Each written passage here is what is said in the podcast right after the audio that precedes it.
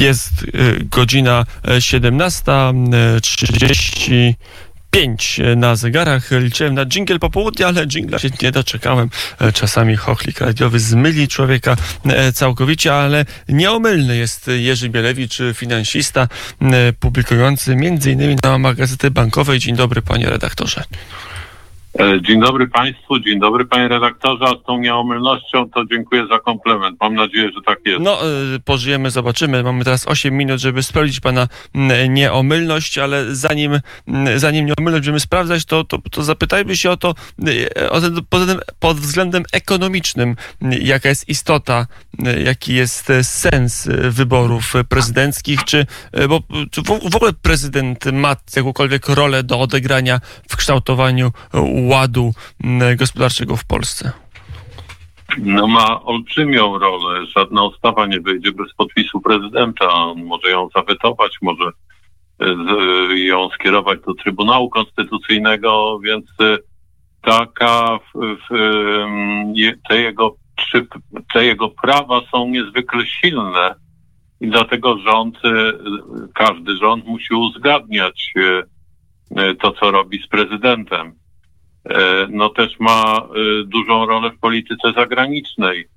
E, wszystkie jego osiągnięcia w relacjach ze Stanami Zjednoczonymi, prezydentem Donaldem Trumpem, przekładają się bardzo mocno na, na ekonomię. No chociażby ostatnio te inwestycje Microsoftu, który chce u nas zainwestować miliard dolarów i, i, i, i Google, który chce zainwestować 2 miliardy dolarów.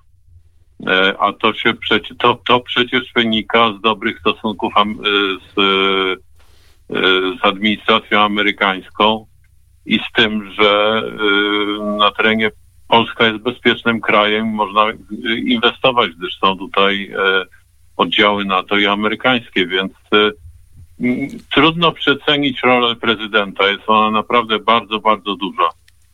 E, to jest e, taka rola pasywna, ale chociaż w tej, mimo że to jest rola pasywna, to e, w tej kampanii kandydaci o gospodarce dużo mówią. Prezydent Andrzej Duda na swoich wiecach, na swoich spotkaniach zapewnia nas, że jeżeli będzie prezydentem, to tak sprawi, abyśmy za pięć lat zarabiali znacznie, znacznie więcej. Nawet padają konkretne kwoty co do średniej płacy, żeby ona wyniosła za pięć lat 2000 euro, no i potem w przeliczeniu na złotówki, rzecz jasna, bo w narodzie, bo w walucie narodowej e, mamy zarabiać, oczywiście. Ja bym nawet powiedział, że historycznie to możemy za, zaryzykować przybliżenia, y, jakie zarobki byłyby, gdyby wygrał y, ponowną re, reelekcję prezydent Duda, a jakie gdyby wygrał jego pretendent do fotelu prezydenta, pan Rafał Trzaskowski. E, pamiętamy przecież, to nie było aż tak dawno, 2015 rok, e, śmieciowe umowy e, i młody człowiek, który nawet skończył studia i pracował, nie wiem, na recepcji w hotelu czy w jakiejś lecznicy, zarabiał 5 zł za godzinę i to mógł zarabiać 3 zł za godzinę. Nie starczało wtedy za godzinę pracy na bilet autobusowy, czy, a już nie mówiąc o Big Macu.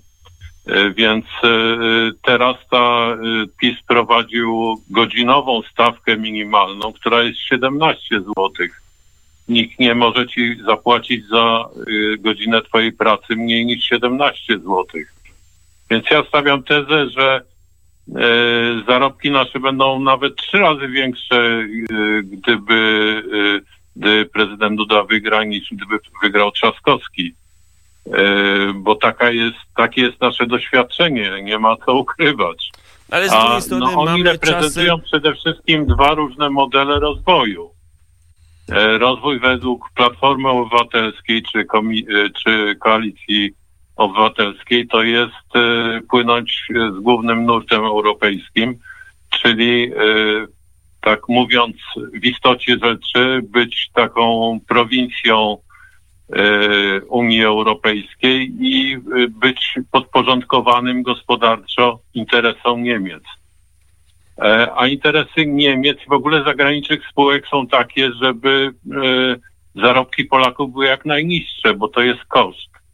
Jeśli na przykład firma zachodnia produkuje proszek do prania w Polsce, to przecież nie produkuje go tylko na rynek polski, ale do wszystkich, do, do państw, których ma sprzedaż i, i, i stąd naprawdę spółkom zagranicznym zależy na tym, zwłaszcza produkcyjnym, żeby zarobki w Polsce były jak najniższe.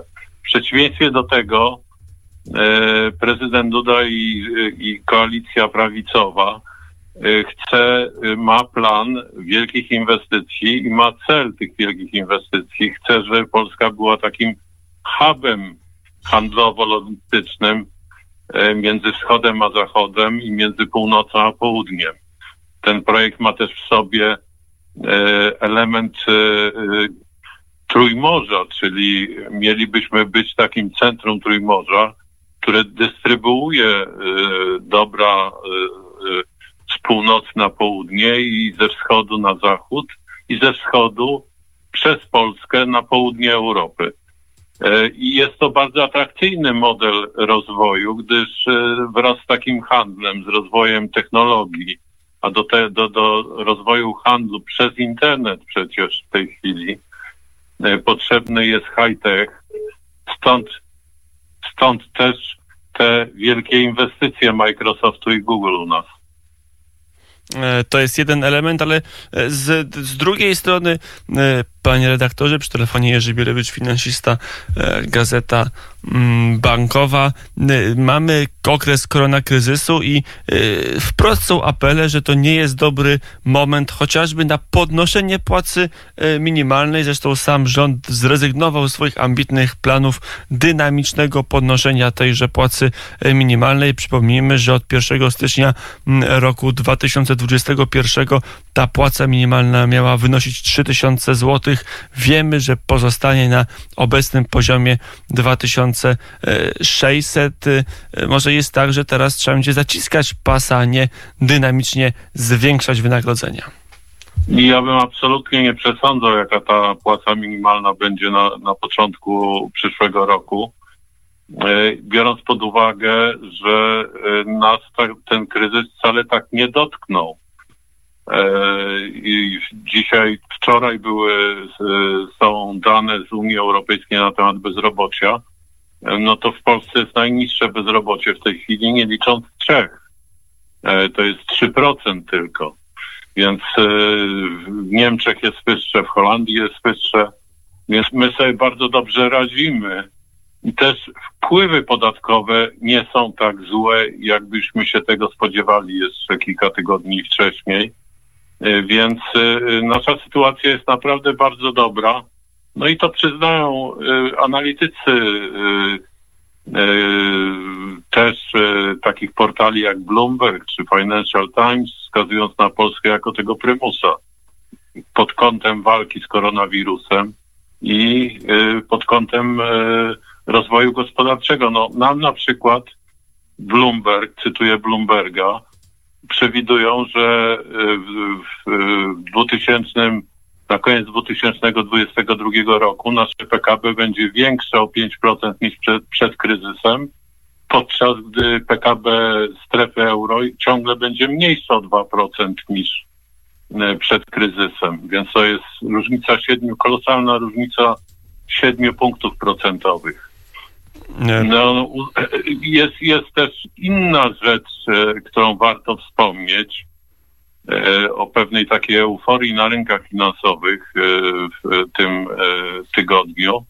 Mianowicie amerykańska firma, największa firma farmaceutyczna na świecie, Pfizer, która ma siedzibę notabene w Nowym Jorku, czyli w centrum, w epicentrum epidemii koronawirusa w Stanach Zjednoczonych, ogłosiła w tym tygodniu, y, y, że szczepionka, y, którą właśnie badają na ludziach, działa i że wynikiem zaszczepienia jest pojawienie się przeciwciał na COVID-19 i to na wyższym poziomie niż, niż, niż pacjent, który przeszedł tę, tą chorobę. E, więc e, jednocześnie ogłosili, że wyprodukują 100 milionów szczepionek do końca roku. E, A biorąc pod uwagę na przykład to, że prezydent Duda otrzymał przyrzeczenie od prezydenta Trumpa, że Polska też otrzyma tą szczepionkę w pierwszej kolejności, no to i tu na tym polu też, też nam całkiem nieźle idzie. Poza oczywiście kontaktami na poziomie europejskim. Też w Oksfordzie jest taka szczepionka opracowywana, więc e, e, całkiem, e, całkiem to dobrze wygląda z naszej perspektywy, jeśli tylko wybory wygra obecnie urzędujący prezydent Andrzej Duda. Powiedział Jerzy Bielewicz, finansista, Gazeta Bankowa. Dziękuję bardzo, panie redaktorze. Dziękuję bardzo.